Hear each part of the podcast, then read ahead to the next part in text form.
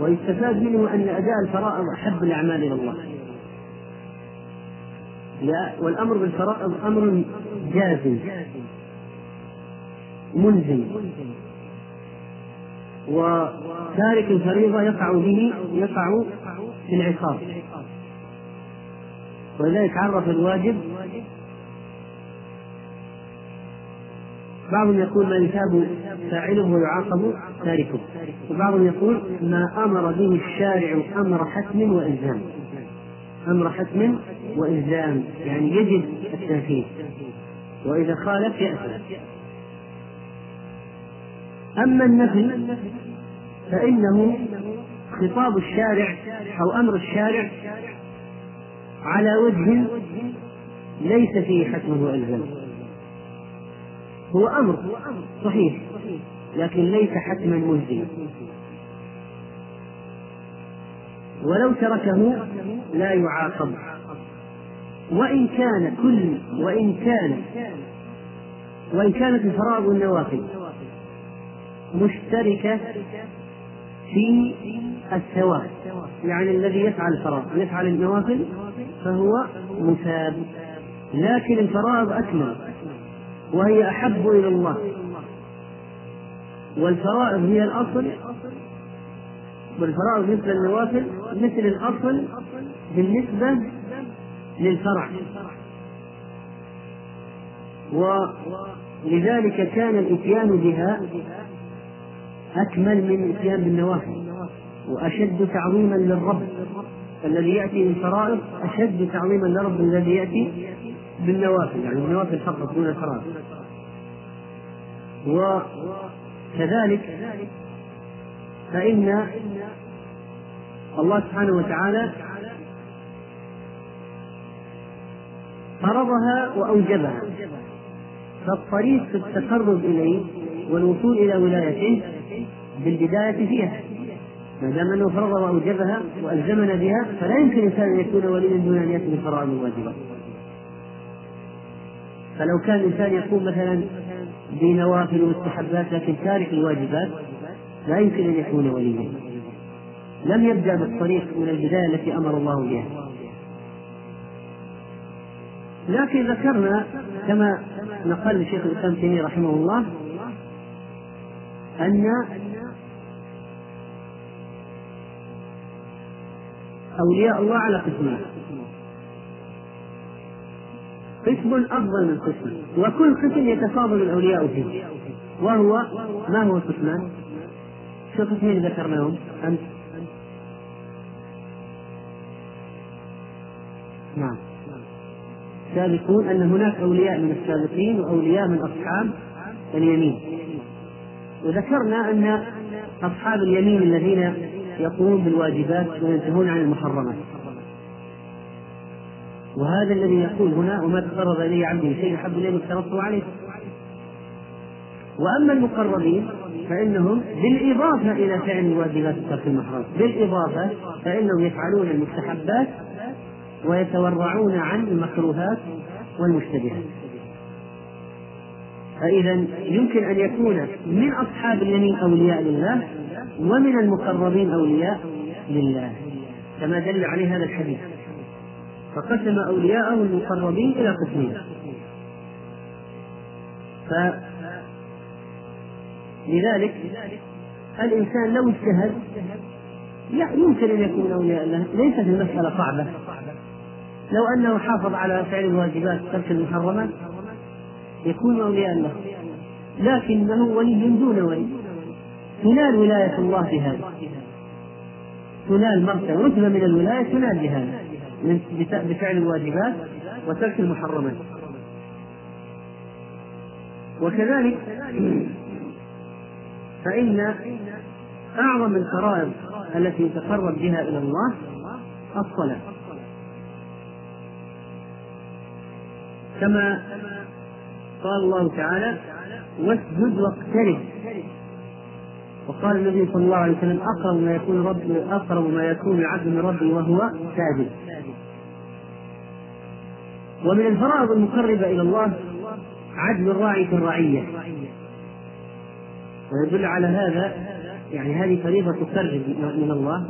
حديث النبي صلى الله عليه وسلم إن المقسطين عند الله على منابر من نور على يمين الرحمن الذين يعدلون في حكمه وأهليهم ووليه فإذا هؤلاء من أقرب الناس إلى الله. فإذا الصلاة تقرب واسجد واقترب أقرب ما يكون العبد ربه وسالم. والعدل يقرب العدل يقرب وقوله صلى الله عليه وسلم ولا يزال عبدي يتقرب إلي بالنوافل حتى أحبه. هذا دليل على الرتبة الأعلى من رتب الولاية وهي المقربين الذين بالإضافة إلى الفرائض يعملون النوافل ويجتهدون فيها حتى ينالون يصلون إلى مرتبة المحبة العالية. ولا يعني أن أصحاب لا يحبون لا. لكن هؤلاء محبتهم أشد وحب الله لهم أشد وحب الله لهم أشد. وقال الله فيهم يحبهم ويحبونه. أذلة على المؤمنين أعزة على الكافرين. يجاهدون في سبيل الله ولا يخافون لومة لائم هذه أوصافهم أدلة على المؤمنين يعاملون المؤمنين باللين وخفض الجناح والتواضع والذلة. ويعاملون الكفار أعداء الله بالعزة والشدة والإغلاظ. فلما أحبوا الله لانوا لأوليائه. ولما أحبوا الله أبغضوا أعدائه وعلى رأس هؤلاء الأولياء الذين يتصفون بهذه الصفات يحبهم ويحبونه الصحابة. فإن الله وصفهم بقوله ماذا؟ رحم أشداء على الكفار رحماء بينهم. وقال الله في وصف ولا يخافون لومة لائم فهم يجاهدون في سبيل الله يأمرون بالمعروف وينهون عن المنكر. ولا يخافون لومة لائم لأن حبهم لله لما اشتد ما عادوا يبالون بسخط غيره. وهذا فضل من الله سبحانه وتعالى يؤتيه من يشاء يؤتيه من يشاء. فهذه الدرجة التي اجتهد أصحابها بالنوافل حتى وصلوا إليها دالة الحديث يدل على المواصلة. قال ولا يزال عبدي يتقرب إيش يعني لا يزال تفيد؟ الاستمرارية. ولا يزال عبدي يتقرب إلي بالنوافل حتى أحبه. فإذا هذا يدل على استمراره فيها. والنبي عليه الصلاة والسلام كان يسأل الله حبه وأن يجعل وأن يكون ممن يحبه. فقال عليه الصلاة والسلام اللهم ارزقني حبك وحب من ينفعني حبه عندك. وهذا الحديث حسنه الترمذي. وكذلك قال النبي عليه الصلاة والسلام أتاني ربي عز وجل؟ فقال لي يا محمد قل اللهم إني أسألك حبك وحب من يحبك والعمل الذي يبلغني حبك. وقال البخاري رحمه الله هذا حديث حسن صحيح كما نقل الترمذي عنه. فإذا الإنسان يسأل الله أن يجعل حبه مقربا على كل مقدما على كل شيء وأن يجعل محبته لله أحب من الماء البارد على الظمأ ومن وصل إلى مرتبة محبة الله هانت عليه مشقات التكليف. ألم ترى أن بعض الناس يعملون الواجبات ويتركون المحرمات خوفا من العقاب؟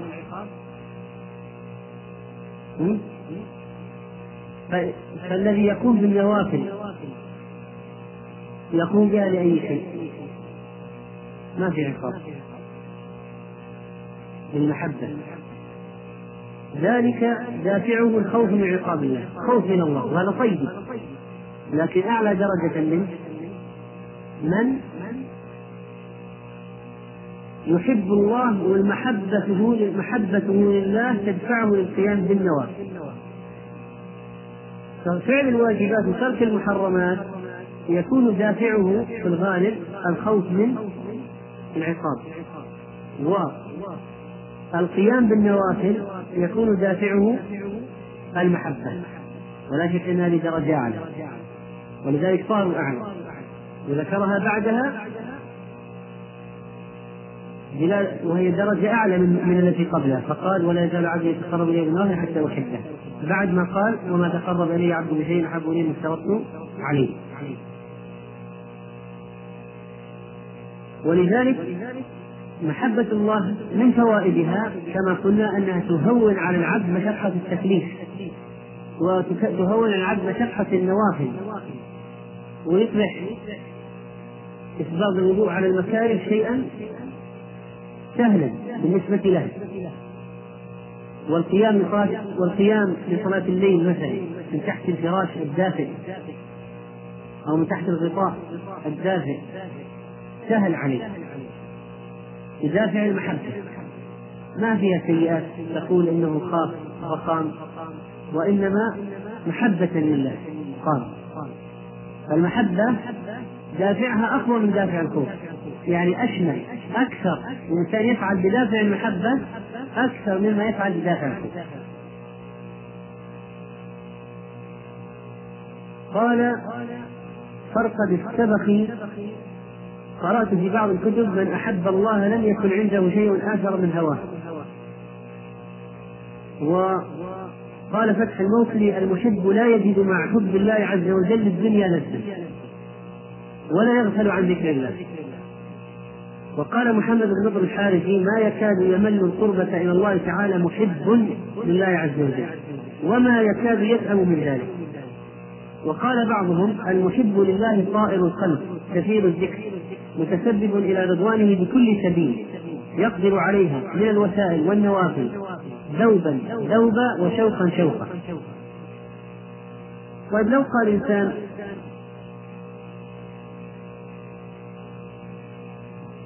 لو قال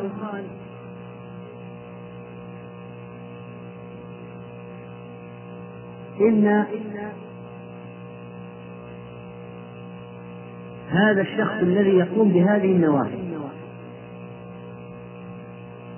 التي يدفعه إلى حب الله سبحانه وتعالى يقوم بالفراغ أو لا يقوم؟ النوافل تنتج المحبة فهل الفراغ تنتج المحبة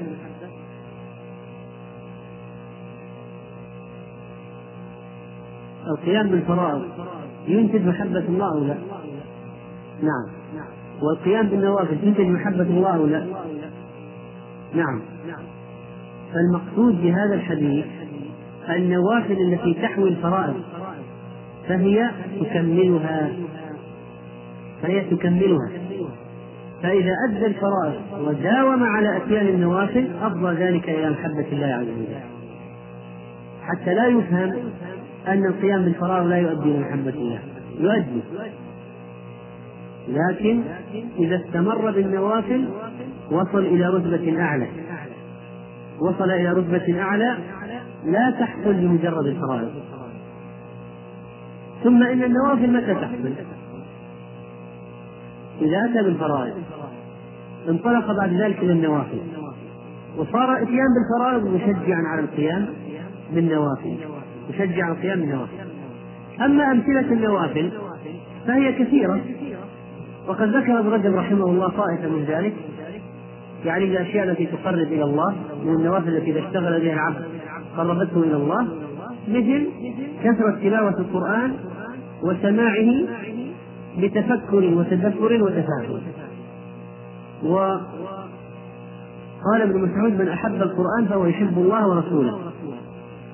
وقال بعض الشيوخ لتلميذه أتحفظ القرآن؟ قال لا. قال وغوثاه بالله. لا تحفظ القرآن فبما تتنعم أو بما تترنم أو بما تنادي ربك. ومن الأشياء النوافل التي تقرب إلى الله بالإضافة إلى القرآن كثرة ذكر الله عز وجل الذي يتواطى فيه القلب واللسان وليس الذي يعمل فيه اللسان كآلة مجردة عن الشعور.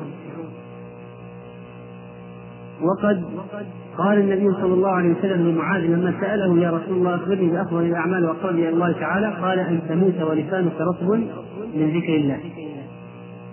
وكذلك فإن الذاكر لله يرفعه الله مقامات. فمن ذكر الله في نفسه ذكره الله في نفسه.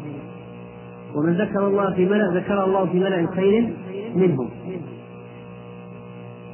ومن مقتضيات الولاية كذلك أو من الأشياء التي توصل إلى الله عز وجل محبة أولياء الله وأحبائه فيه. والقوم الرجل يحب القوم لما يحقهم فيكون معهم المرء مع من أحب. وقوله وقوله في هذا الحديث فإذا أحببته كنت سمعه الذي يسمع به وبصره الذي يبصر به ويده التي يبطش بها ورجله التي يمشي بها. ما معنى هذا الكلام؟ طبعا بعض أهل الإلحاد قالوا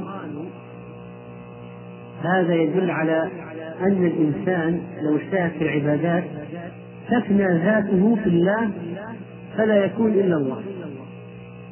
وهذا من أعظم الكفر. وقالوا إن الإنسان يترقى ممكن يترقى في العبادة حتى يتحد مع الله.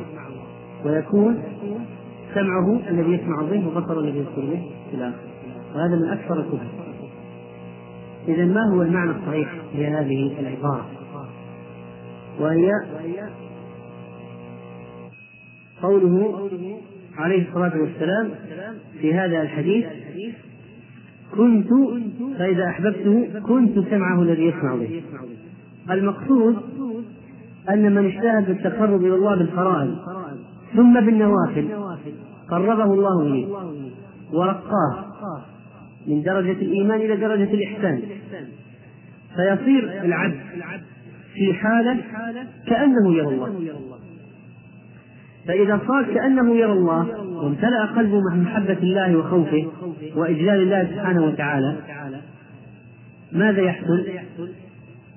لا يرى لا ينظر إلا إلى ما يرضي الله ولا يسمع إلا ما يرضي الله ولا يبطش إلا بما يرضي الله ولا يمشي إلا إلى ما يرضي الله وهكذا فهو إذا ارتقى في هذه المنازل حتى وصل إلى هذه الدرجة حتى أحبه فإذا أحببته صار كل فعل للعبد من مرضاة الرب. صار كل فعل للعبد من مرضاة الرب. فلا يسمع إلا ما يرضي الله لا يبصر إلا ما يرضي الله لا يمشي إلا ما يرضي الله وهكذا. هذا هو المقصود. وإذا امتلأ قلبه محبة الله ما بقي فيها مكان لغير الله لأن يحب غير الله. فلذلك يكون على سائر لله سبحانه وتعالى. أفعاله كلها ترضي الله مرضاة الله. و كثرة العبادة تصيرها سجية بحيث الإنسان يفعلها باستمرار. وإشغال الوقت بالعبادة يصير كل الوقت عبادة. فيصير سمعه وبصره وهكذا كما جاء في الحديث. كما أوصت امرأة من السلف أولادها فقالت لهم تعودوا حب الله وطاعته. فإن المتقين ألفوا الطاعة فاستوحشت جوارحهم من غيرها. يعني الذي يألف الطاعة يستوحش أن يفعل يفعل معصية ولا لا؟ تصبح المعصية غريبة أجنبية عنه. فإن عرض لهم الملعون بمعصية يعني إبليس مرت المعصية بهم محتشمة فهم لها منكرون ولا استطاع أن يوقعهم فيها. وقال علي إن كنا لنرى أن الشيطان شيطان عمر ليهابه أن يأمره بالخطيئة. يعني وصل لدرجة أن الشيطان ما يستطيع أن يأمر عمر بالمعصية يخاف. فإذا لما صار هذا الرجل قلبه ممتلئ بمحبة الله نتيجة إكثار النوافل والاستمرار عليها وصار رجاؤه وخوفه وطاعته لله عظيمة ولم يبق في قلبه مجال لمحبة غير الله لا لم تنبعث جوارحه إلا للطاعة فصار بي يسمع وبي يبصر وبي يبطش كما في الرواية ذكرنا أنها ليست ليست في الصحيح لكن هي بمعنى هذه. صار كما جاء في الحديث كنت سمعه الذي يسمع به وبصره الذي يبصر به ويده التي يبطش بها ورجله التي يمشي بها. طيب. وهذا لا شك أنه يدل على كلية الانشغال بما يرضي الله. فإذا صار منشغلا بكليته بما يرضي الله صار لا يصغي بسمعه إلا إلى ما يرضي الله ولا يبصر البصر إلا ما أمره به الله وهكذا. فيكون الله حافظا لسمعه لسمع هذا العبد وبصره ويده ورجله وهكذا. فلا يسمع إلا ما يحل استماعه ولا ينظر إلا أو لا يبصر إلا ما يحل له إبصاره. وهذا توفيق من الله لعبده. في الأعمال التي يباشر بها يباشرها بهذه الأعضاء.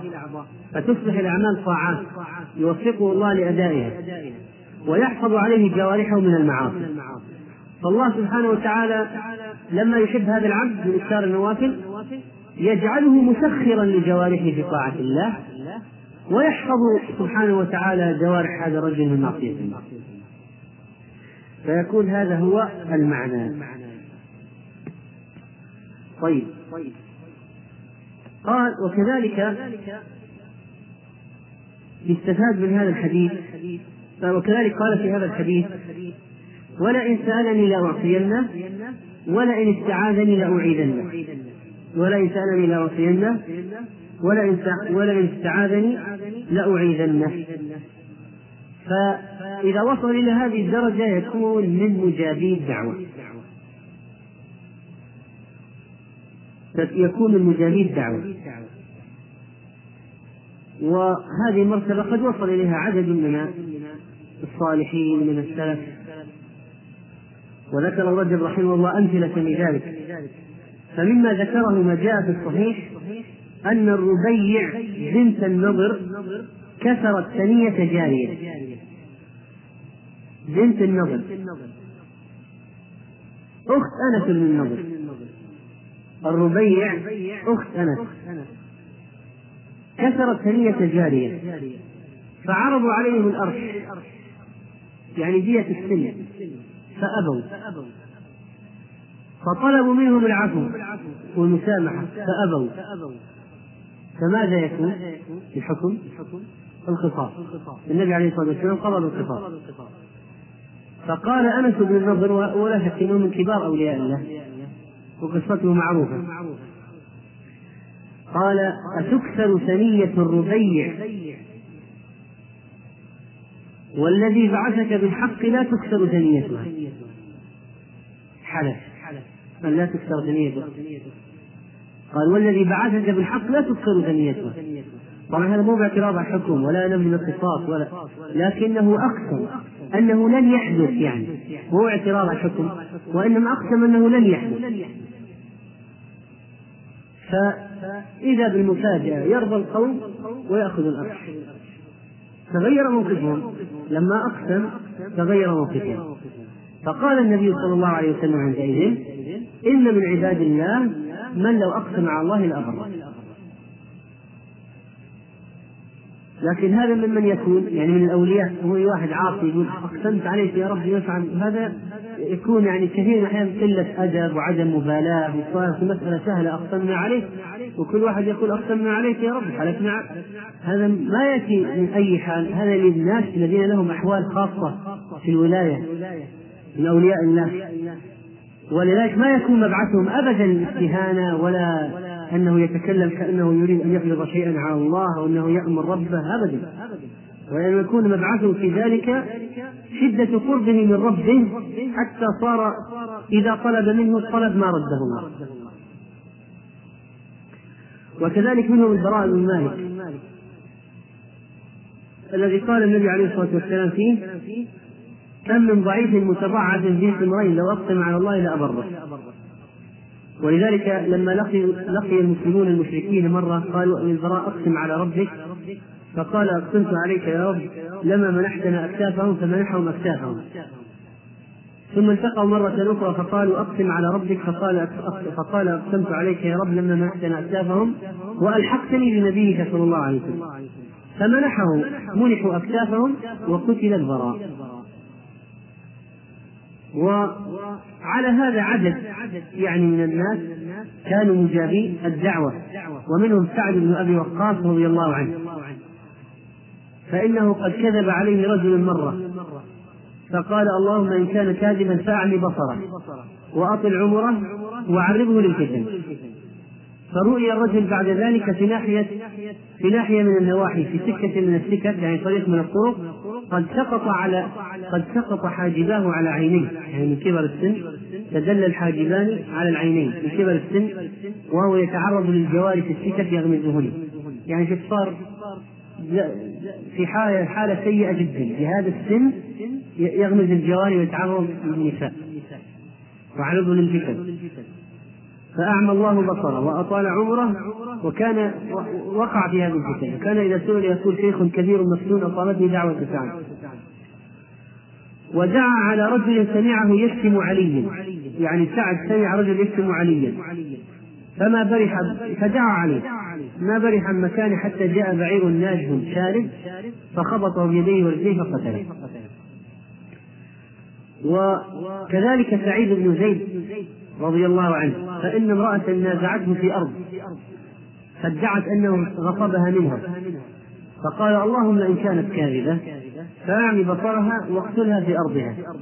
فعميت. وبينما هي ذات ليلة تمشي في أرضها إذ وقعت في بئر في هذه الأرض فماتت. وكذلك العلاء بن الحضرمي وكذلك أنس بن مالك. فإنه أصاب أرضا له عطش أو هو شكي إليه عطش أرض له بالبصرة. فتوضأ وخرج إلى البرية وصلى ركعتين فنزل ماء المطر في أرضه. لم يجاوز أرضه إلا يسيرا. وكان أبو مسلم الخولاني مشهورا بإجابة الدعوة. هذا من كبار أولياء الله له قصص كثيرة معروفة. طبعا هو ليس من الصحابة من بعدهم لكنه من أولياء الله. فكان يمر به الظبي فيقول له الصبيان ادعوا الله لنا يحبسه علينا هذا الظبي. فيدعو الله فيحبسه حتى يأخذوه بأيديهم. يمسكون ويصيدون. ودعا على امرأة أفسدت عليه عشرة امرأة أن يذهب بصرها. فذهب بصرها في الحال. فجاءته فجعلت تناشده الله وتطلب إليه. فرحمها ودعا الله فرد عليها بصرها ورجعت عشرة امرأته إلى الحال الحسنة. وكذب رجل على مطرف بن عبد الله بن الشخير. فقال له مطرف إن كنت كاذبا فعجل الله حتفك فمات الرجل مكانه. وكان رجل من الخوارج يغشى مجلس الحسن فيؤذيهم. فقال الحسن اللهم قد علمت أذاه لنا فاكفناه بما شئت. فخر الرجل من قامته فما حمل إلى أهله إلا ميت. وكذلك حبيب العجمي أبو محمد أتي له برجل مقعد زمن مريض في محمل ما يستطيع أن يمشي. فدعا له فقام الرجل على رجليه فحمل المحمل على ظهره وذهب إلى أهله. وكان رجل يعبث به كثيرا ويؤذيه فدعا عليه حبيب فبرص فبرص أصابه البرص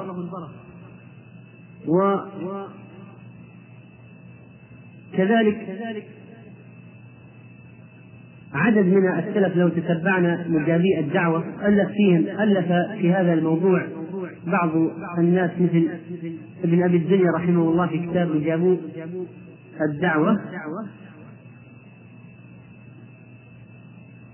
في هذا الأمر ولعلنا سنكتفي بهذا القدر من الشرح ونكمل بقية شرح الحديث. ما بقي إلا اليسير في شرح هذا الحديث إن شاء الله في الليلة القادمة. والله أعلم وصلى الله وسلم على نبينا محمد. الحمد لله رب العالمين. بسم الله الرحمن الرحيم. الحمد لله رب العالمين. وصلى الله وسلم وبارك على نبينا محمد وعلى آله وصحبه أجمعين. وبعد. فكنا تكلمنا عن معظم ما يتعلق بشرح الحديث القدسي الذي يقول الله سبحانه وتعالى فيه من عاد لي وليا فقد أذنته بالحرب. وهو حديث الأولياء المشهور. وذكرنا في قوله في هذا الحديث ولئن سألني لأعطينه ولئن استعاذني لأعيذنه. كيف أن أولياء الله سبحانه وتعالى مجابو الدعوة. وذكرنا أمثلة من ذلك في بعضهم لما يدعى إذا لما دعا على ظالم ظلمه كيف استجيب له فيه؟ وفي بعضهم لما دعا على من شتم صحابيا فاستجيب له. فمات الذي سب وشتم. أو بعض الأولياء لما وقع في شدة ودعا فرج الله عنه.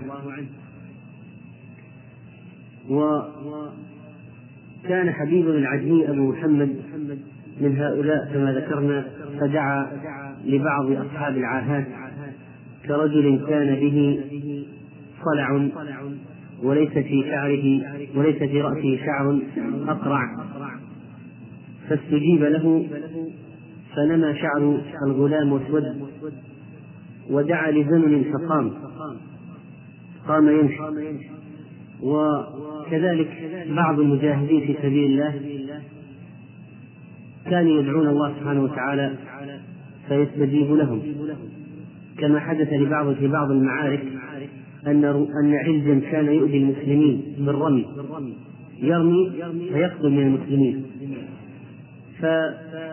فأتوا إلى أحد أولياء الله ممن كان معهم في المعركة من المسلمين فشكوا إليه ذلك فقال أين تريدون؟ يعني أين تريدون أن أصيبه؟ فقالوا المذاكير يعني في عورته فسمى الله فرماه فوقعت فيها وكان فيها حتف ذلك العلم الكافر وبعض أولياء الله من الذين يصابون بالمصائب ربما يختار استمرار وقوعه في المصيبة أو وقوع المصيبة عليه ولا يدعو الله لرفعها كمن يكون في بلاء أو مرض فيؤثر الصبر على المرض ابتغاء الأجر ولا يدعو الله برفعه. كما حصل لبعضهم. ممن أصابه العمى مثلا فقيل له لو دعوت الله لبصرك. يعني أن يرد الله عليك بصرك وأنت مجاب الدعوة. فقال قضاء الله أحب إلي من بصري. يعني الرضا بهذا القضاء وأجر والأجر على هذا الرضا أحب إلي من عودة البصر. وقيل لابراهيم التيمي وهو في سجن الحجاج لو دعوت لو دعوت الله تعالى يعني أن يفرج عنك ويخرجك من السجن. فقال أكره أن أدعوه أن يفرج عني ما لي فيه أجر. يعني ما دام لي فيه أجر أكره أن يفرج عني فيغلق هذا الباب أو ينقطع أجري. وهذا وقع لسعيد بن جبير لما سجنه الحجاج فكان مجاب الدعوة حتى أنه كان له ديك يوقظه للصلاة فلم يصح ليلة من الليالي يعني يوقظه لقيام الليل. فليلة من الليالي الديك هذا ما صاح. فلم يقم سعيد للصلاة فشق ذلك عليه. فقال ما له؟ قطع الله صوته. ما لهذا الديك؟ قطع الله صوته. فما صاح الديك بعد ذلك. فقالت له أمه يا بني لا تدعو بعد هذا على شيء. وكان حيوة بن شريح ضيق العيش جدا يعني فقير. فقيل له لو دعوت الله أن يوسع عليك. فأخذ حصاة من الأرض فقال اللهم اجعلها ذهبا. فصارت تبرة فصارت تبرة يعني من ذهب قصة مشهورة. في كفه. وقال ما خير في الدنيا ما خير في الدنيا إلا الآخرة. ثم قال هو أعلم بما يصلح عباده. يعني الله سبحانه وتعالى له عباد. لا يصلحهم إلا الغنى. ولو اكثرهم لفسدوا. وعباد لا يصلح لهم إلا الفقر. ولو أغناهم لفسدوا. لأن الفقر قد يكون منسيا والغنى قد يكون مطغيا.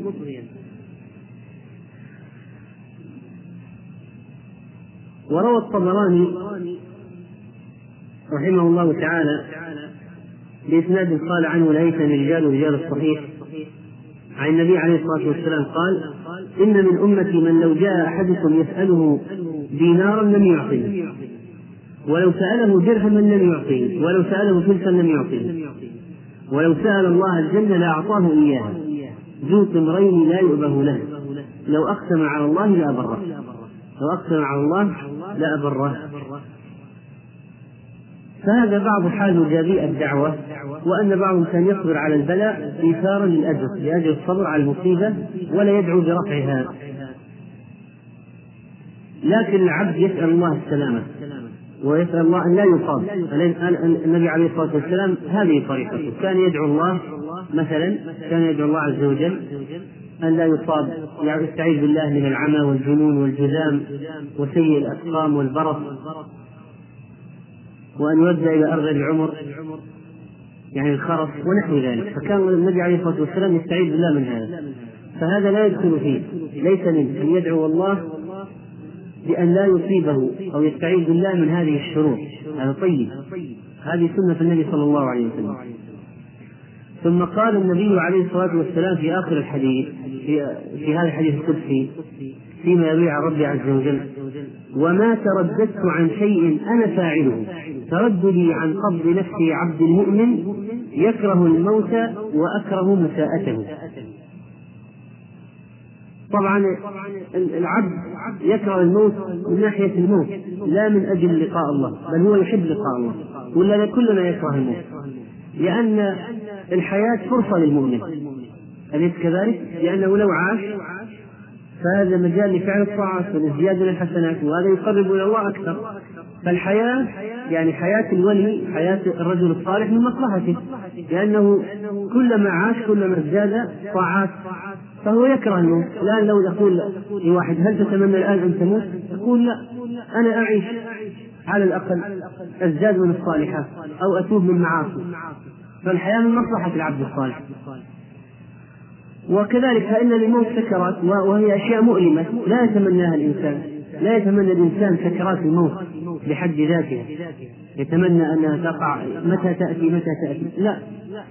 لكن لقاء الله من أحب لقاء الله أحب الله لقاءه. يعني إذا كان الإنسان الآن في وضع من الأعمال الصالحة يحب لقاء الله لكي يأخذ الأجر. يحب لو لقى الله فهو محب للقاء وليس بكاره. لو اختاره الله فهو محب لذلك. لأنه يعلم أن ما عند الله خير له من هذه الدنيا وهو عنده أعمال صالحة. فهذا هذا ليس من قضية كراهية الموت. كراهية الموت شيء وكراهية لقاء الله شيء آخر. فالله سبحانه وتعالى يعلم أن عبده هو من يكره الموت الموت فيه آلام وفيه سكرات وفيه قطع عن العمل وعن الدنيا. الإنسان إذا عاش فيه المسلم الصالح. الفاجر الكافر أحسن منه أن يموت. يعني الأفضل الأحسن بالنسبة للكافر أنه لو مات أو الفاجر يصير عذابه أقل. لو عاش لصار عذابه أشد. لو, لو ما قدرت له توبة ولا هداية. طبعا. فالآن الله سبحانه وتعالى يقضي مثلا على فلان بالموت. ويكون هذا صالح. أراد الله قضى الله أن يموت في هذا العمر. والعبد يكره الموت. فيقول وما ترددت عن شيء أنا فاعله؟ ترددي عن قبض نفس عبد مؤمن يكره الموت وأكره مساءته بالموت وما يحدث فيه من الآلام والسكرات طيب نأتي إلى مسألة العقيدة قضية التردد. نعم؟ هل يقال إن الله يتردد أو لا يقال؟ ماذا تقولون هل الله سبحانه وتعالى يتردد أو لا؟ أيوه.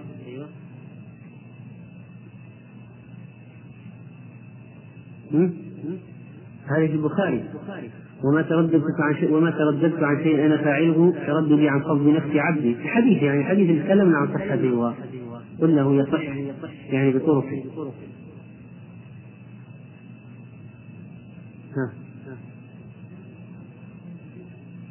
يتردد ترددا يليق بجلاله. يعني لا مفر من إثبات ما أثبته النص. كذلك؟ لأننا إذا خرجنا عن النص حرفنا. لكن ما هو التردد؟ كثير من الناس يفهم التردد هو الحيرة والاضطراب بين الأمرين أنه ما يدري يفعل هذا أو هذا أو أكثر يمكن كذا أمر. فإذا احتار واضطرب هذا هو التردد. هذا هو التردد عندي وعندك لكن التردد حتى لو جينا في اللغة أوسع من ذلك.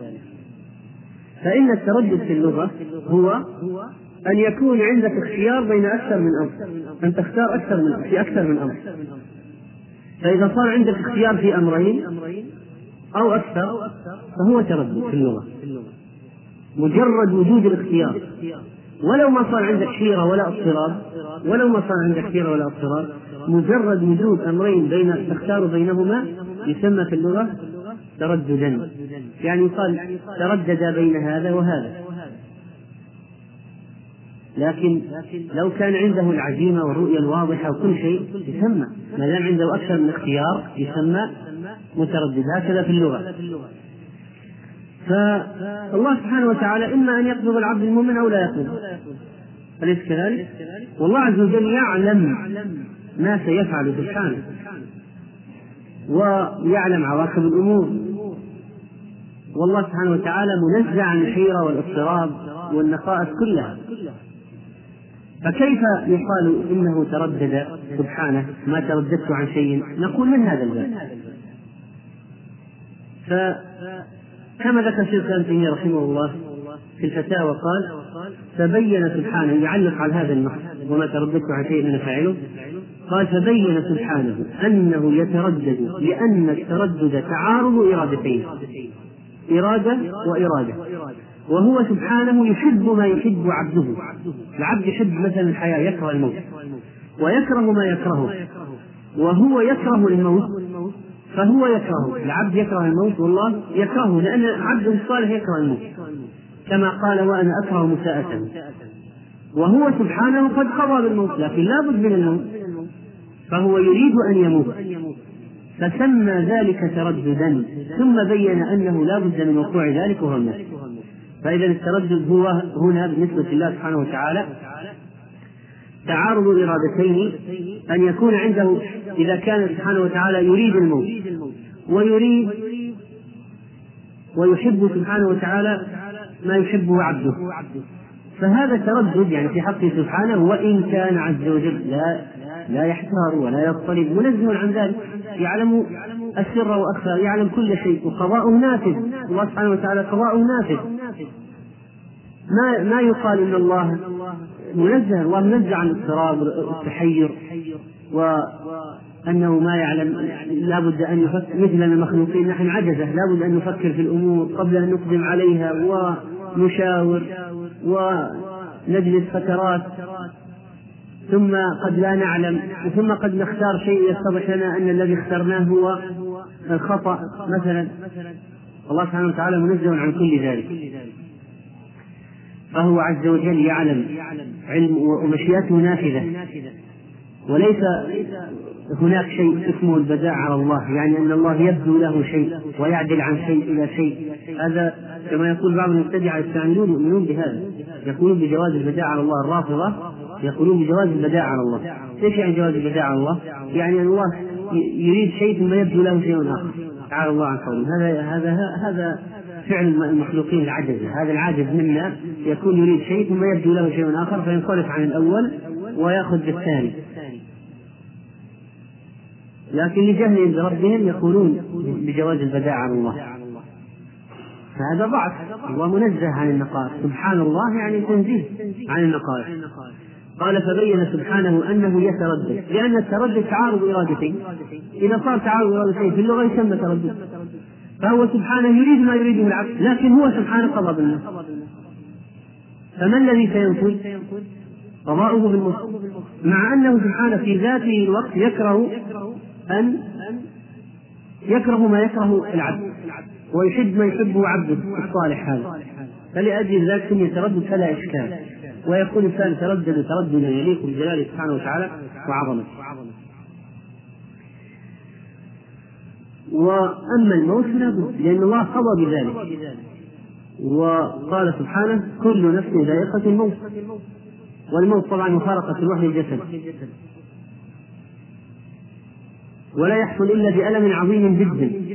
ولذلك قال العلماء أن الموت يعني ألم الموت هو أعظم الآلام التي تصيب العبد في الدنيا على الإطلاق.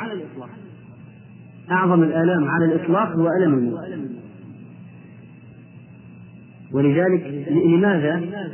لأن الروح إذا نزعت تنزع من كل عرق وعصب ومفصل الروح متعلقة بالجسد. فإذا نزعت من الجسد تنزع من كل عرق وعظم ومفصل في الجسد. ف تشبه مثل شجرة كثيرة الشوك في جوف ابن آدم. فإذا ليس هناك عرق ولا مفصل إلا وهو متعلق بهذه الشجرة. فجاء رجل شديد الذراعين فنزع هذه الشجرة من هذا الجوف وهي متعلقة بالأحشاء واللحم والعصب والعظام وكل شيء. فكيف يكون ألم النزع؟ شديدا. ولذلك ما في شيء في ألم يقارن ألم سحب الروح الذي فيه مخلفات اللحم المشوي عليه. ولففته بقوة. ثم سحبت السيخ فجأة. ماذا يحدث لهذا القطن الملفوف عليه أو الصوف؟ هذا كيف يتقطع؟ هذا هو المثل الذي ضربه لقبض روح الكافر. هكذا تقبض. يعني في الألم قرب الصورة بهذا. و والموت له سكرات وله آلام.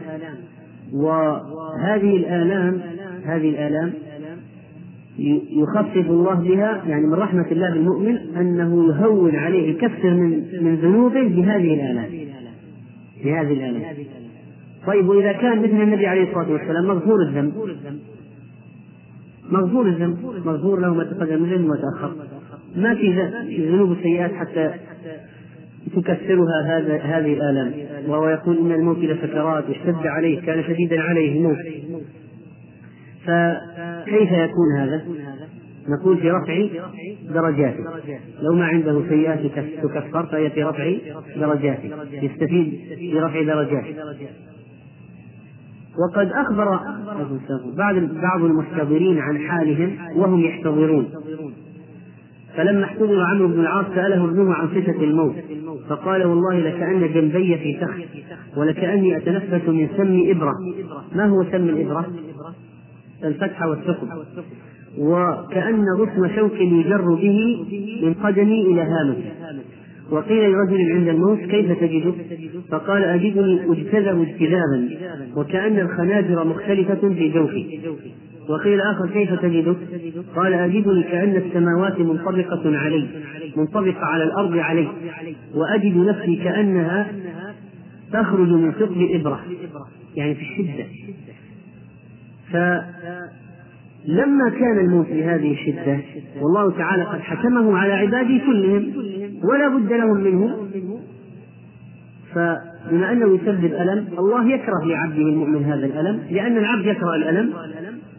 فلما صار يكره الألم لعبده وهو مريد لقبض روحه ولا بد لأن إرادته النافذة سبحانه وتعالى هي هذا أن يموت لا بد يموت هذا. كل نفس ذائقة الموت. سمى ذلك في حقه ترددا. طيب. الأنبياء لا يقبضون حتى يخيروا بخلافنا نحن بقية البشر.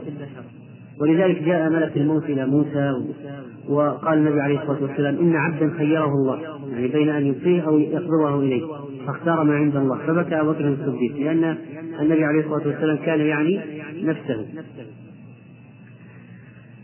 فالنبي عليه الصلاة والسلام إذا في سكرات الموت ترفع درجاته.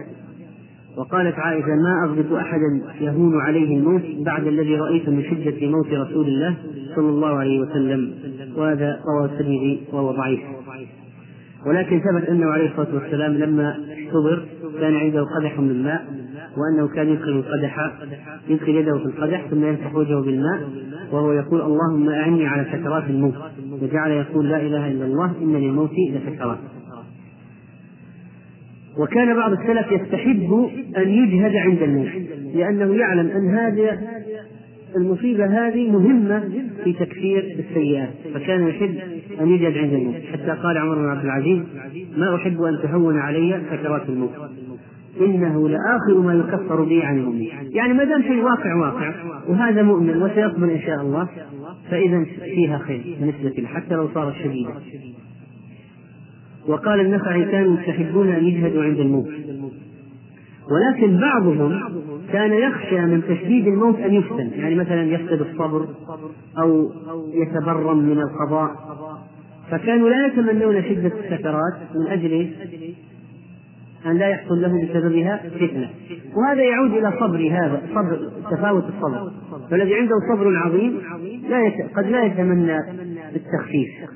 لأنه يعرف أن الشدة هذه فيها أجر كبير وأنه سيصبر أما الذي يخشى فإنه يتمنى التخفيف لأجل أن لا يكون هذا مذلة مذلة قدم بالنسبة له وقد جاء في الحديث الصحيح عن النبي صلى الله عليه وسلم قال إن المؤمن إذا حضره الموت بشر برضوان الله وكرامته فليس شيء أحب إليه مما أمامه مما سيقدم عليه فأحب لقاء الله وأحب الله لقاءه. و الله سبحانه وتعالى له مشيئة في عباده. فقد يقبض بعضهم بالشدة قد يهون على بعضهم قد يقبض بعضهم في ساحة معركة بالقتل قد يقبض بعضهم على فرشهم قد يقبض بعضهم بعد مرض شديد ومبني قد يقبض بعضهم بموت الفجأة وقد يكون لبعضهم احتضار يعني في فترة يمر بها عند الموت ويتلفظ بالشهادتين أو يحضره من أهل من يحضره ويودعه من يودعه ثم يموت. فالله سبحانه وتعالى له أحكام نافذة في عباده. و موت الفجأة بعض بعض العلماء يرى أنه تكفير للسيئات. هو من أشراط الساعة لكن ما يدل لا على حسن خاتمه ولا على سوء خاتمه واضح؟ يعني كونه قال من أشراط الساعة ان يكثر موت الفجأة لا يعني ذم موت الفجأة أو ذم من يموت موت الفجأة. وإنما يعني انه أن موت الفجأة سينتشر ويكثر من أشراط الساعة في اخر الزمان يكثر. وهذا فعلا مشاهد. يعني الآن ما أكثر الموت بالسكتات والجلطات والنوبات القلبية فجأة يقع يقع ساكت لا حراك فيه. وقال ابن مسعود إن موت الفجأة أو الفجاءة تخفيف على المؤمن. تخفيف على المؤمن. والبخاري رحمه الله قال اغتنم. اغتنم في الحياة فضل ركوع. حتى قال كم من صحيح ذهبت نفسه ها؟ ذهب من غير علة وكم أو كم من كم من ذهب من غير علة وكم لا لا, لا مو هذا اللي. ذهبت نفسه فلسة. من فيها ذهبت نفسه فلسة. يعني البخاري رحمه الله ذكر شعرا فيه حث على قيام الليل والصلاة وقال يعني كم من واحد صحيح ذهبت نفسه فجأة. فهو البخاري رحمه الله من عجائب العجائب أنه مات فجأة. يعني من الذين ماتوا بموت الفجأة طيب. نعم. نعم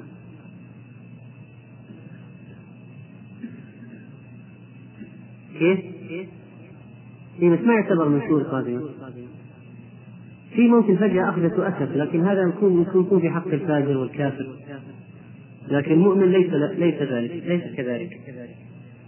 وكان لبعض السلف عند موتهم أحوال يعني في حسن الخاتمة مثلا في بياض وجهه أو تنوره نور وجهه أو طيب رائحته أو تهلله وإشراقه أو كثرة ذكر لله يموت وهو على ذكر أو يموت وهو في السجود مثلا وهو ساجد. وبعضهم سمع ينادى يا فلان أجل يا فلان أجل فوثب وقال والله هذا حاد الموت. فودع أصحابه وسلم عليهم ثم انطلق نحو الصوت وهو يقول سلام على المرسلين والحمد لله رب العالمين. ثم انقطع عنه الصوت فتتبعوا أثره فوجدوه ميتا. وتجد بعض الناس فعلا يعني كأنه يتهيأ يعني كأن عنده خبر مخرق كأن. فهو تجده يغتسل ويتنظف ويتطهر ويحضر الكفن ويودع أهله وأقربائه ويمر على أصحابه ويسلم عليهم واحدا واحدا. وبعد ذلك يموت في نفس اليوم أو في اليوم التالي كأن عنده صار كأنه صار عنده شيء من الإحساس. وبعضهم يموت فجأة وبعضهم يموت على فراش يعني يموت على فراش الموت يحتضر ويموت ويحضره من يحضره من أهله. وكان بعضهم جالسا يكتب في مصحف. كانوا من قبل يحتسبون من الأعمال الصالحة قبل أن توجد المطابع وهذه الأشياء. وين وين المصاحف الذي يقرأ فيها الناس؟ مساجد. ما في مصاحف كثيرة. الناس الناس يكتبون المصاحف. كان من أبواب الأجر كتابة المصاحف. كتابة المصاحف. فيكتب المصحف. طبعا هذا فيه جهد كبير جدا. يحتسب في كتابته ثم يوقفه على المسلمين. ثم يوقفه على المسلمين يعني في أحد المساجد مثلا أو في أحد المدارس يوقفه. وكتب الشيخ محمود بن عبد الله السيدي رحمه الله أربعة مصاحف بيده. كان بعضهم جالسا يكتب في مصحف فوضع القلم من يده وقال إن كان موتكم هكذا فوالله إنه لموت طيب. ثم سقط ميتا. يعني قبل أن يموت قال والله إن كان موتكم هكذا فوالله إنه لموت طيب. وكان آخر جالسا يكتب الحديث حديث النبي صلى الله عليه وسلم. فوضع القلم من يده ورفع يديه يدعو الله سمع. فهذا الذي يقبض على عمل صالح من علامات حسن الخاتمة إن الله إذا أراد إذا أراد بعبد خيرا عسله قيل وما عسله؟ قال يعني يختاره أو يوفقه إلى عمل صالح فيميت يقبضه عليه. ييسر له عملا صالحا فيقبضه عليه. يعني في حج في عمرة في جهاد في سجود في دعاء في ذكر في قراءة قرآن في ذهاب إلى المسجد في سفر صالح. قائم على بر والده. فهذا من علامات حسن الخاتمة. هذا هذا نهاية شرح هذا الحديث. والله تعالى أعلم. يقول الحديث التاسع والثلاثون. عن ابن عباس رضي الله عنهما أن رسول الله صلى الله عليه وسلم قال الحديث التاسع والثلاثون. ما لا إثم فيه. عن ابن عباس رضي الله عنهما أن رسول الله صلى الله عليه وسلم قال إن الله تجاوز لي عن أمتي الخطأ والنسيان وما استكرهوا عليه. حديث حسن رواه ابن ماجة والبيهقي وغيرهما.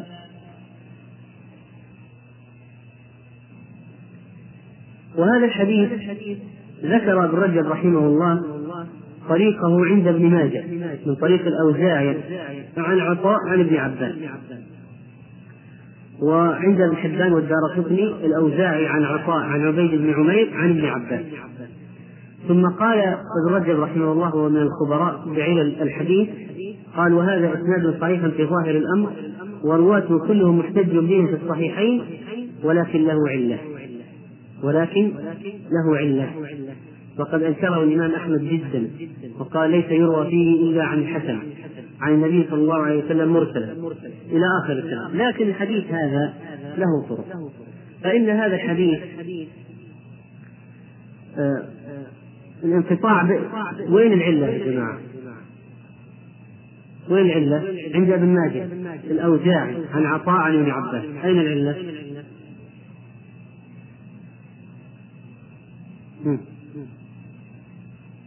وين العلة؟ ها؟ منقطع. عطاء ابن عباس منقطع. لأنه لم يسمع لم يدرك. طيب. وقد رواه جماعة من العلماء.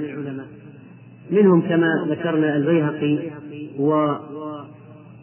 والدار قطني وابن حبان والعقيلي وابن عدي. فالشاهد أن طرق هذا الحديث كثيرة والطبراني وغيره وغيرهم ولذلك فهو صحيح بمجموع طرقه. وهو صحيح بمجموع طرقه. وقد صححه آه العلامة الشيخ الألباني وكذلك أحمد شاكر. أحمد شاكر. وهؤلاء المحدثين ومن المتقدمين صححه أيضا جماعة. فالمهم أن هذا الحديث صحيح بطرقه.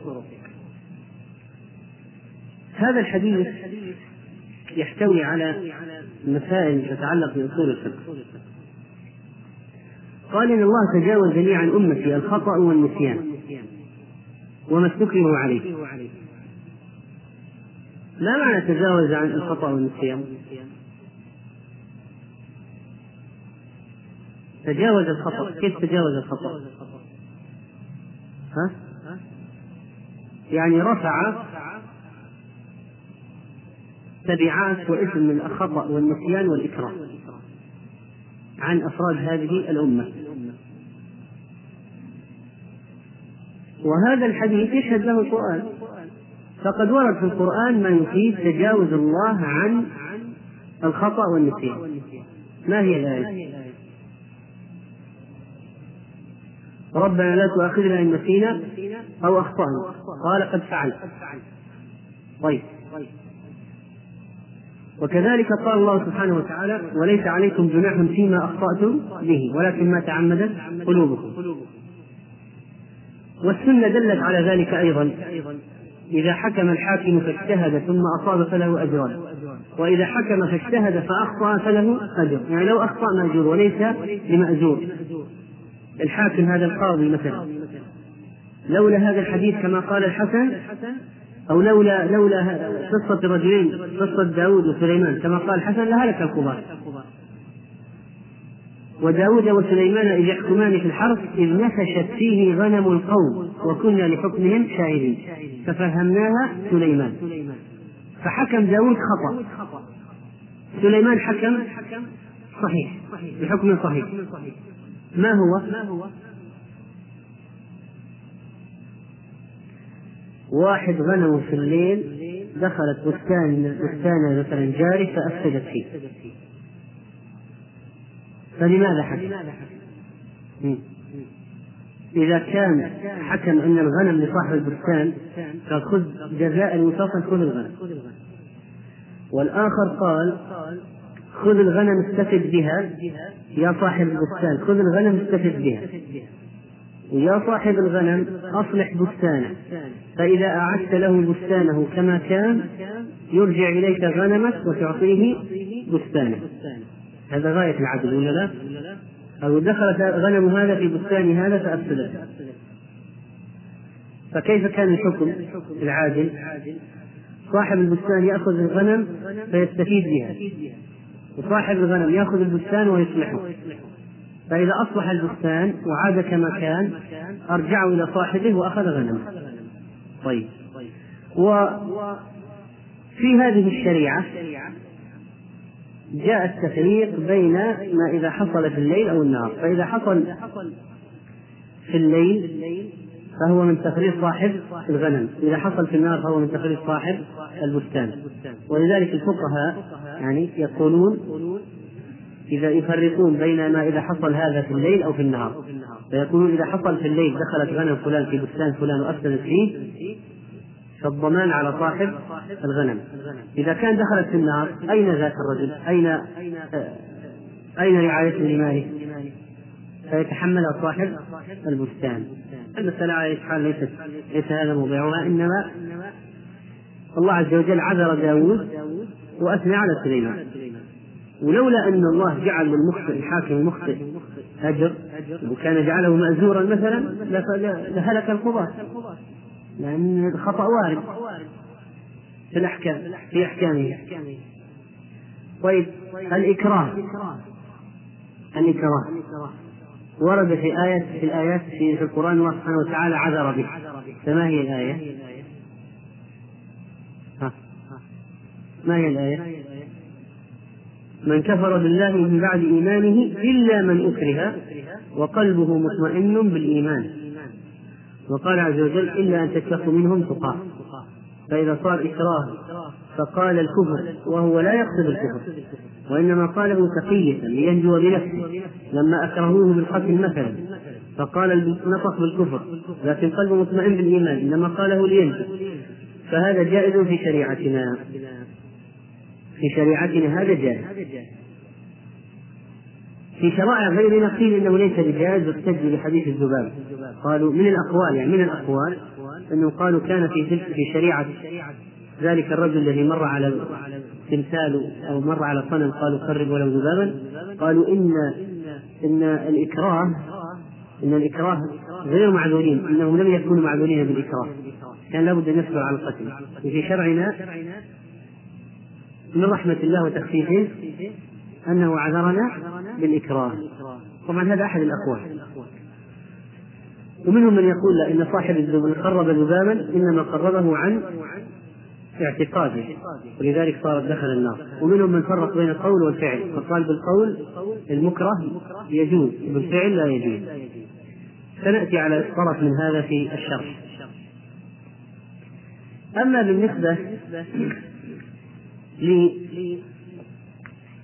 للخطأ والنسيان والإكراه. فماذا يسمي العلماء؟ هذا البحث. يسمونه عوارض الأهلية. عوارض الأهلية. هذا يتعلق بالحكم التكليفي ولا بالحكم الوضعي؟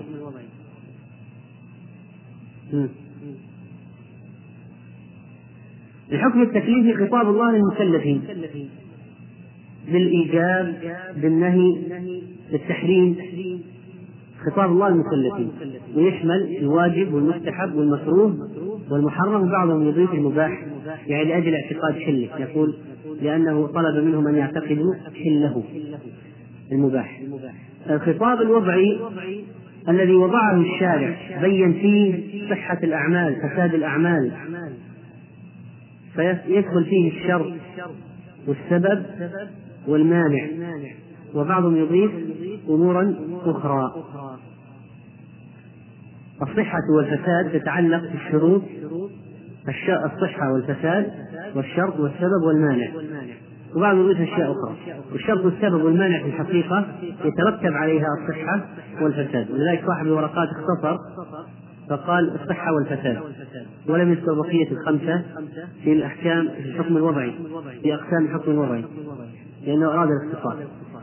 طيب إذا هذا متعلق بالحكم التكليفي الخطأ والنسيان والإكراه يتعلق بالحكم التكليفي. يعني ما ما خطاب الله للمكلف خطاب الشارع للمكلف. الخطأ والنسيان يتعلق بالإكراه يتعلق بالمكلف خطاب الله للمكلف الحكم التكليفي. طيب ما هو تعريف كل واحد منهما؟ كل واحد منها؟ الخطأ عقد الرجل رحمه الله بحثا مبحثا خاصا للإكراه وللخطأ والنسيان ومبحثا خاصا للإكراه. أما بالنسبة للخطأ تعريف الخطأ أن يقصد بفعله شيئا لأن أحكام الخطأ والنسيان متشابهة.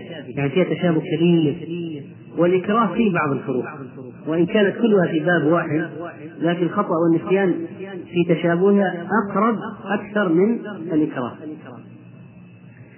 الخطأ أن يقصد بفعله شيئا فيصادف فعله غير ما قصده. لو واحد مثلا في معركة أطلق قذيفة أو رصاصة أو سهما قاصدا قتل كافر فجاءت في مسلم. ماذا يسمى؟ خطأ. خطأ. طيب النسيان أن يكون ذاكرا لشيء فينساه عند الفعل. أن يكون ذاكرا لشيء فينساه عند الفعل. فهاتوا مثال.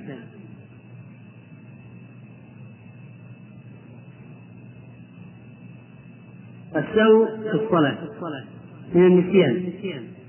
نعم. هو يذكر يعني أن صلاة الظهر أربعة. قام إلى خامسة. طيب. أو يكون ذاكر لآيات فيأتي على آية وينساها ويسقطها ويمشي عند القراءة. ويكون ذاكر لكن عندما جاء تنفيذ الفعل سهى عنها غفل نسيها وأخطأ نسيها وأكمل نسيها وأكمل. طيب إذا في فرق بين الخطأ والنسيان. أليس كذلك؟ فكلا هذين الأمرين معفو عنهما في الشريعة. بمعنى أنه لا إثم على المخطئ والناس. طيب. في مسألة مهمة. لابد أن نفرق بين رفع الإثم عن المخطئ والناس وبين أنه لا يجب عليه شيء أو يجب عليه شيء. فكونه ما هو آثم لا يعني أنه لا يجب عليه شيء. فكون فممكن يسلم من الإثم. يعني نقول أنت يا أيها المخطئ والناس ما عليك إثم. لكن يجب عليك مثلا أن تسجد السهو يجب عليك دم في الحج مثلا إذا نسي واجبا. نعم؟ فلا بد نفهم أن ارتفاع الإثم ليس معناه تبرئة ذمة الشخص بالكلية بحيث أنه ما يجب عليه شيء. لا. قد يكون سالما من الإثم لكن عليه شيء. لابد أن يصحح التصرف مثلا. إن الله تجاوز لي عن أمة الخطأ يعني رفع الإثم لكن رفع الإثم لا يستلزم براءة الذمة بالكلية بحيث أنه لا يفعل شيئا. بل قد يترتب عليه أشياء يترتب عليه أشياء قد يضمن يكلف يكلف بالضمان. يتلف شيئا خطأ. نقول ادفع القيمة. جزاك الله خير. ما عليك إثم لكن ادفع القيمة. فرفع الإثم لا يعني أنه بريء وما عليه شيء ولا ولا يضمن ولا يدفع العوض. فالفرق فرق بين هذا وهذا. فلنأخذ بعض الأمثلة على قضية النسيان والخطأ. ونرى أحكام الأحكام التي ذكرها العلماء فيها، طبعا رجب رحمه الله جامع بين الأصول والفقه والفقه فهو إذا ذكر قواعد أصولية ذكر عليها أمثلة، ذكر أشياء في الأصول ذكر عليها أمثلة، ولا شك أن كتابه القواعد من أكبر الأدلة على فقهه في هذا في هذا الأمر، فهم القواعد الشريعة وضرب الأمثلة والتقسيم. فلو واحد نسي الوضوء وصلى وهو يظن نفسه متوضئ ثم تذكر هل عليه إثم؟ عليه إثم؟ ما عليه إثم هل يلزمه الإعادة؟ هل يلزمه إعادة الصلاة؟ طبعا يلزمه إعادة الصلاة طيب واحد نسي التسمية في الوضوء يتوضأ بغير أن يقول بسم الله خلص الوضوء انتهى منه. هل يجب أن يعيد الوضوء؟ هل يجب أن يعيد الوضوء؟ روايتان عن الإمام أحمد. والراجح والله أعلم أنه لا يلزمه إعادة الوضوء. لأن أصلا خلاف في خلاف في وجوب التسمية. في الأصل خلاف في وجوب التسمية. اختلفوا في تصحيح الحديث. ولا وضوء لا وضوء لمن يذكر لمن لم يذكر اسم الله عليه. طيب رجل يعني في النهاية تنارى بعض الفروقات. لماذا قالوا هنا يعيد وقالوا هنا لا يعيد قالوا هنا يضمن هنا لا يضمن مثلا. فيمكن أن نستنبط أو نرى بعض الفروقات التي تفرق. واحد ترك التسمية على الذبيحة نسيانا. هل تؤكل ذبيحته؟ نسي يسمي ذبح. تؤكل ذبيحته؟ فيها خلاف مسألة والراجح والله أعلم أنها تؤكل. ما دام ليس بمتعمد. طيب واحد ترك الصلاة بالكلية. نسي نسي أن يصلي نسي أن يصلي الظهر. ثم تذكر في العصر في المغرب هل يجب عليه القضاء؟ يجب عليه القضاء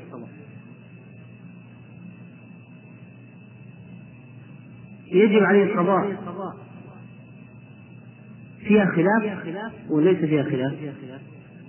لماذا؟ ها؟ ولو كان فيها ولو كان فيها خلاف ما نأخذ بأحد الطرفين لماذا؟ لوجود النص ما هو؟ من نام عن صلاة أو نسيها فليصليها إذا ذكرها لا كفارة لها إلا ذلك ثم تلا الله عز وجل أقم الصلاة لذكري أقم الصلاة لذكري طيب واحد صلى وفي ثوبه نجاسة ثم علم بعد الصلاة أنه كان في ثوبه نجاسة حينما صلى هل يلزمه الإعادة؟ هل يلزمه الإعادة؟ الجواب حصل فيها الخلاف أيضا لكن استدلوا بأي شيء بحديث عليه الصلاة والسلام لما صلى وكان عليه نجاسة فخلعهما في الصلاة وأكمل ولا ولم يعدها من أولها. فهذا يدل على أي شيء؟ أن الصلاة صحيحة. أن الصلاة صحيحة. لما اكتشف الصلاة صحيحة. طيب. رجل تكلم ناسيا في صلاته. نسي أنه في صلاة وقال أي شيء؟ قال وخر يا ولد. فهل صلاته صحيحة؟ أو أنها تبطل. فيها خلاف أيضا وروايتان عن الإمام أحمد وترجيح الشافعي قول الشافعي أنها لا تبطل. يعني رواية عن أحمد وقول الشافعي أنها لا تبطل. وكلام شيخ الإسلام ابن تيمية. إيش قاعدة ابن تيمية رحمه الله؟ عنده قاعدة مضطردة في الخطأ والنسيان أبدا ما إيه يقول يعني صحيح صحيح. يقول الله تجاوز نفسي. وهذا فيه فرق طبعا بين احتجاجه بهذه القاعدة بينه وبين بعض الفقهاء. شيخ الإسلام قاعدته مضطردة يعني في الخطأ والنسيان لا تكاد تخلف. قاعدته مضطردة. طيب. يعني مثال رجل جامع زوجته في رمضان ناسيا. ورجل أكل في رمضان ناسيا بعض الفقهاء يفرقون. يقول الأكل ما عليه شيء ولا يعيد الصيام. الجماع يعيد الصيام. شيخ الإسلام لا يفرق يقول هذا وهذا سوا كله كله نسيان ليه؟ لماذا التفريق؟ أولئك يفرقون يقولون هذا فيه نص. وهو إنما أطعم الله واتقى وهذا ليس فيه نص. فالمسألة فيها اختلاف في النظرة هل هذه القاعدة قاعدة الخطأ والنسيان إنه يصح الفعل يصح الفعل مع وجود الخطا والنسيان يصح الفعل تجاوز يعني خلاص صار صحيحا فعله صحيح. ولا فقط يفيد رفع الإثم والصحة من عدم الصحة لابد تؤخذ من نصوص أخرى. هذا الذي رجحه ابن رجب رحمه الله في خلاصة المبحث. قال إن الحديث هذا يفيد رفع الإثم وإنما وإنما هل إيش حكم العمل بالضبط هو صحيح ولا لا؟ يستفاد لابد من وجود نصوص أخرى فهذا يعني من من الفروق في النظرة في النظر بين العلماء رحمهم الله تعالى. طيب ولو حلف أن لا يفعل شيئا والله قال والله لا أدخل بيت فلان ثم دخله ناسيا والله لا أكل هذا النوع من الطعام ثم أكله ناسيا. فما هو الحكم؟ أيضا فيها خلاف. بعضهم قال يحنث عليه كفارة بعضهم قال لا ناسي ليس عليه كفارة وبعضهم قال لو كانت يمين بالطلاق والعتاق يعني علي الطلاق لو أكلت وخاصة بالطلاق. فلو أكل ناسيا يقع الطلاق. يعني قالوا الطلاق والعتاق أشد من اليمين العادية. وأما اليمين العادية قالوا إذا صار ناسي ليس عليه كفارة طيب. فمنهم من قال إذا لا يحنث أبدا. سواء كان طلاق عتاق يمين عادية منهم من قال يحنث بجميع الحالات طلاق والعتاق يمين عادية ومنهم من قال يفرق بين الطلاق والعتاق أو بغيرهما. طيب. لو قتل مؤمنا خطأ. عليه شيء؟ ماذا عليه؟ دية زائد الكفارة. الكفارة هي عتق رقبة هو زاد صيام شهري عتق رقبة من لم يجد؟ صيام شهري طيب لو أتلف مال غيره بالخطأ ما قصد؟ دخل في بدار جاره ولا بالسيارة ولا كسر شيئا ما هو قاصد؟ فماذا عليه؟ نعم؟ الضمان. ما أتلفه ضمان ما أتلفه طيب. قتل الصيد خطأ. واحد محرم يسوق سيارته دخل منطقة الحرم أسرع بالسيارة فوطئ حمامة أو غزالا فصدم غزالا مثلا. عليه شيء من عليه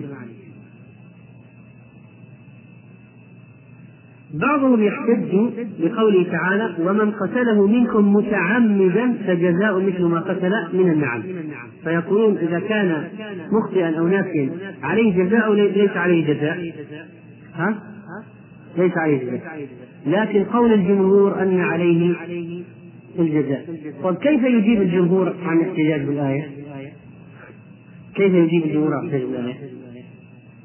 الذي الجمهور الذين يقولون عليه الجزاء لو كان مخطئ ناسي لو جاءهم واحد من الطرف الآخر وقال لهم ومن قتله منكم متعمدا فجزاء مثل ما قتل من النعم كيف وش يكون عليه؟ كيف يجيبون عليه؟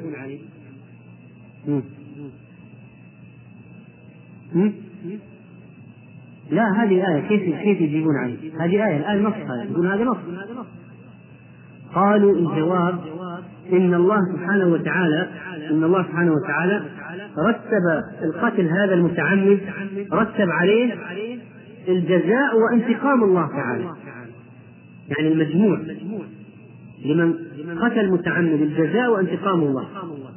فإذا انتفى العمد ينتفي انتقام الله ويبقى الجزاء ويبقى الجزاء. طيب. من بعض نذكر بعض الفروقات والقواعد التي تحرك في المخطئ والناسي. لما قلنا مثلا لما ترك التسمية في الذبيحة أكلنا. لما ترك الوضوء في الصلاة قلنا له أعد الصلاة. فمن الفروقات أن بعضهم يفرق بين ما هو شرط وما ليس بشرط. فالوضوء شرط لصحة الصلاة. فإن نسيه أو أخطأ فيه نسي في الخطأ والنسيان نقول أعد الصلاة. أعد نأمر بالإعادة. لكن التسمية في الذبيحة هل هي شرط؟ لا لكنها واجبة على الصحيح. واجبة. والواجب مع النسيان يسقط. هنا في هذه الحالة. فبعضهم فرق لو يجي واحد يقول كيف الآن؟ في تناقض في الخطأ والنسيان. في خطأ ونسيان نجد أنه يقال له أعد وخطأ ونسيان يقول له مشي. فكيف؟ نقول من من القواعد التفريق بين ما هو شرط وبين ما ليس بشرط. من القواعد أيضا التفريق بين ما يمكن استدراكه وبين ما لا يمكن استدراكه. فواحد توضأ صلى بغير وضوء هل يمكن أن يستدرك؟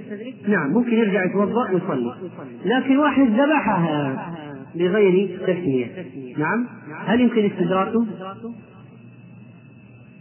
ها؟ طيب فإذا شوف لاحظ الآن من قواعد من أشياء قواعد التفريق بين ما هو شرط وما ليس بشرط بين ما يمكن استدراكه وما لا يمكن استدراكه. وكذلك في قضية المتلفات بين الخالق والمخلوق يعني إذا صار الأشياء من المخلوق فلا بد من ضمانها لأن حقوق للمخلوقين حقوق للمخلوقين طيب. بالنسبة للإكراه ها؟ يعني أحسن نتوقف طيب. خلاص نقف عند الإكراه يكون نهاية شرح الحديث بشرح فصل قسم الإكراه. إن شاء الله في الليلة القادمة والله أعلم صلى الله وسلم على نبينا محمد. بسم الله الرحمن الرحيم. الحمد لله رب العالمين والصلاة والسلام على سيد الأنبياء المرسلين نبينا محمد صلى الله عليه وسلم وعلى آله وصحبه أجمعين. وبعد. ففي الحديث التاسع والثلاثين عن ابن عباس رضي الله عنه أن رسول الله صلى الله عليه وسلم قال إن الله تجاوز لي عن أمتي الخطأ والنسيان وما استكره عليه. وقد سبق ذكر الخطأ والنسيان وبعض الأحكام المتعلقة بهما وننتقل اليوم إلى الكلام عن الإكراه. أما الإكراه فتعريفه تعريف الإكراه حمل شخص بغير حق على أمر لا يرضاه. وهو من الكره. عكس المحبة. والإكراه لكي يكون الشخص مكرها فإن لذلك شروط ومن عند الفقهاء. فمن ذلك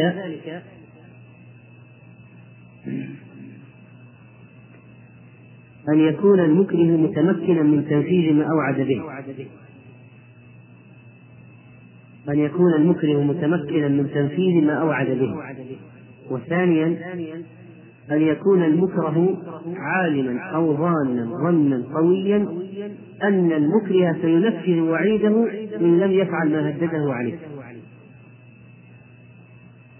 أولا يكون المكره قادرا على التنفيذ. مثلا لو هدد بالقتل يكون المكره قادر على القتل. أما لو كان ضعيف وهزيل ما عنده سلاح هذا لا يمكن أن يكون مكرها ولا يمكن أن يعتبر إكراه. لأن الإكراه صفة يفقد أو وضع يفقد به المكلف صفتي الرضا والاختيار. الإكراه صفة أو الإكراه وضع يفقد به المكلف صفتي القدرة والاختيار فيصبح الرضا والاختيار. لا رضا عنده ولا اختيار لديه. عند ذلك يكون مكرها فيكون مكرها بشروط. منها أن يكون المكره قادرا على التنفيذ. ثانيا أن يكون المكره عالما أو ظانا ظنا قويا أو راجحا أن المكره سينفذ التهديد والوعيد ويوقعه فعلا وليست المسألة مجرد كلام. ثالثا أن يكون المكره عاجزا عن دفع الإكراه مثلا بالمقاومة أو الفرار فإذا كان الشخص المكره يمكن أن يفر يمكن أن يقاوم هل يعتبر مكره؟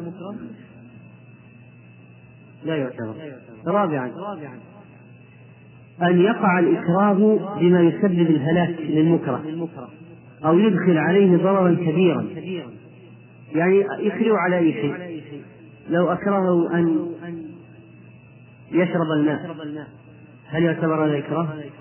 لو أكرهه على البقاء في غرفة لمدة ساعة أو ساعتين هل يعتبر إكراه؟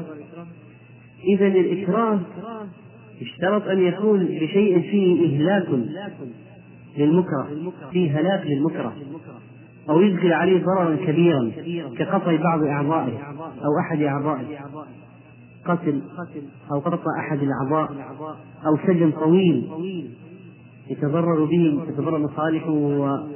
ويتعطل به عمله ويتشرد به أولاده ونحو ذلك. فإذا الإكراه يكون بالأشياء التي لا تطاق مثل القتل أو قطع أحد الأعضاء أو السجن الطويل. خامسا أن يكون الإكراه بشكل حال وفوري كأن يهدده بالقتل الآن فورا. أما إذا صارت المسألة إن لم تفعل كذا ضربتك غدا. سأقتلك في المستقبل. هذا لا يعتبر إكراها. لكن يقول افعل الآن وإلا قتلتك. هذا يعتبر إكراه. سادسا أن يكون الإكراه غير مشروع. لأن الإكراه قد يكون مشروعا. فمثلا القاضي يمكن أن يكره الشخص على تسديد الديون التي عليه. أو يهدده بالسجن مثلا. فيقول إما أن تعطي الناس حقوقهم أو نسجنك هل هذا إكراه يجوز به فعل المحرم؟ لا. هذا إكراه شرعي. و اتفق الفقهاء على بعض الأمور التي يقع بها الإكراه واختلفوا في بعضها. فمثلا اتفقوا على القتل وقطع أحد الأعضاء أو الجرح أو الضرب ضربا مبرحا قد يؤدي إلى الهلاك. واختلفوا في القيد والسجن والتهديد والضرب غير المبرح هل يعتبر إكراها أو لا يعتبر؟ فبعضهم يقول مثل السوق والسوقين لا تعتبر إكراه لو قالوا افعل كذا يعني محظور وإلا ضربنا سوق وسوقين. فيقول يقول هذا شيء محتمل. يحتمله الشخص لا يعتبر إكراها. لكن قد يعتبر إكراه في حق ضعيف الجسم الذي لا يتحمل حتى التوحيد ممكن يكون إكراه. ف... وكذلك المسائل إذا تتفاوت. الإكراه بالنسبة للأشخاص قد يتفاوت في مثل قضية الضرب مثلا. فقد يكون بالنسبة لشخص إكراه بالنسبة لشخص ليس بإكراه لأنه يطيق لا يطيق تحمله. يطيق تحمله لكن لو كان ضرب يسبب تلف النفس أو فساد أحد الأعضاء فهذا يعتبر إكراها. وبالنسبة لبقية الأشياء يمكن أن نقول هناك ضابط وهو إلحاق الضرر الذي لا يمكنه أن يتحمله. فإذا أكرهوه بأي شيء لا يطيق تحمله فإنه يعتبر إكراها. أما بالنسبة للتهديد فقد ذكرنا أنه ينبغي أن يكون المهدد قادرا على الإنفاذ وأن يكون التهديد الآن وليس يهدد بشيء في المستقبل. وأن يكون التهديد بشيء لا يطيقه حتى يكون التهديد إكراها. ويمكن أن يكون تكون بعض الأشياء إكراه في مسألة وليست بإكراه في قضية أخرى. فمثلا لو قال لها زوجها إن لم تكشفي وجهك طلقتك. وهي تعلم أن زوجها من النوع الذي يتهور ويفعل يفعل. فتهديدها بالطلاق في هذه الحالة يعتبر إكراها. لو كشفت فليس عليها الإثم وإنما عليه لكن لو قال إن لم تترك الصلاة طلقتك ولو كان سيطلق يطلق طلاقا واقعا مؤكدا فهل تترك الصلاة؟ لا. فإذا بالنسبة للإكراه نفس الشيء المكره عليه أو الذي يستخدم في الإكراه قد يكون في حال مسوغ للفعل ويكون في حال أخرى غير مسوغ للفعل.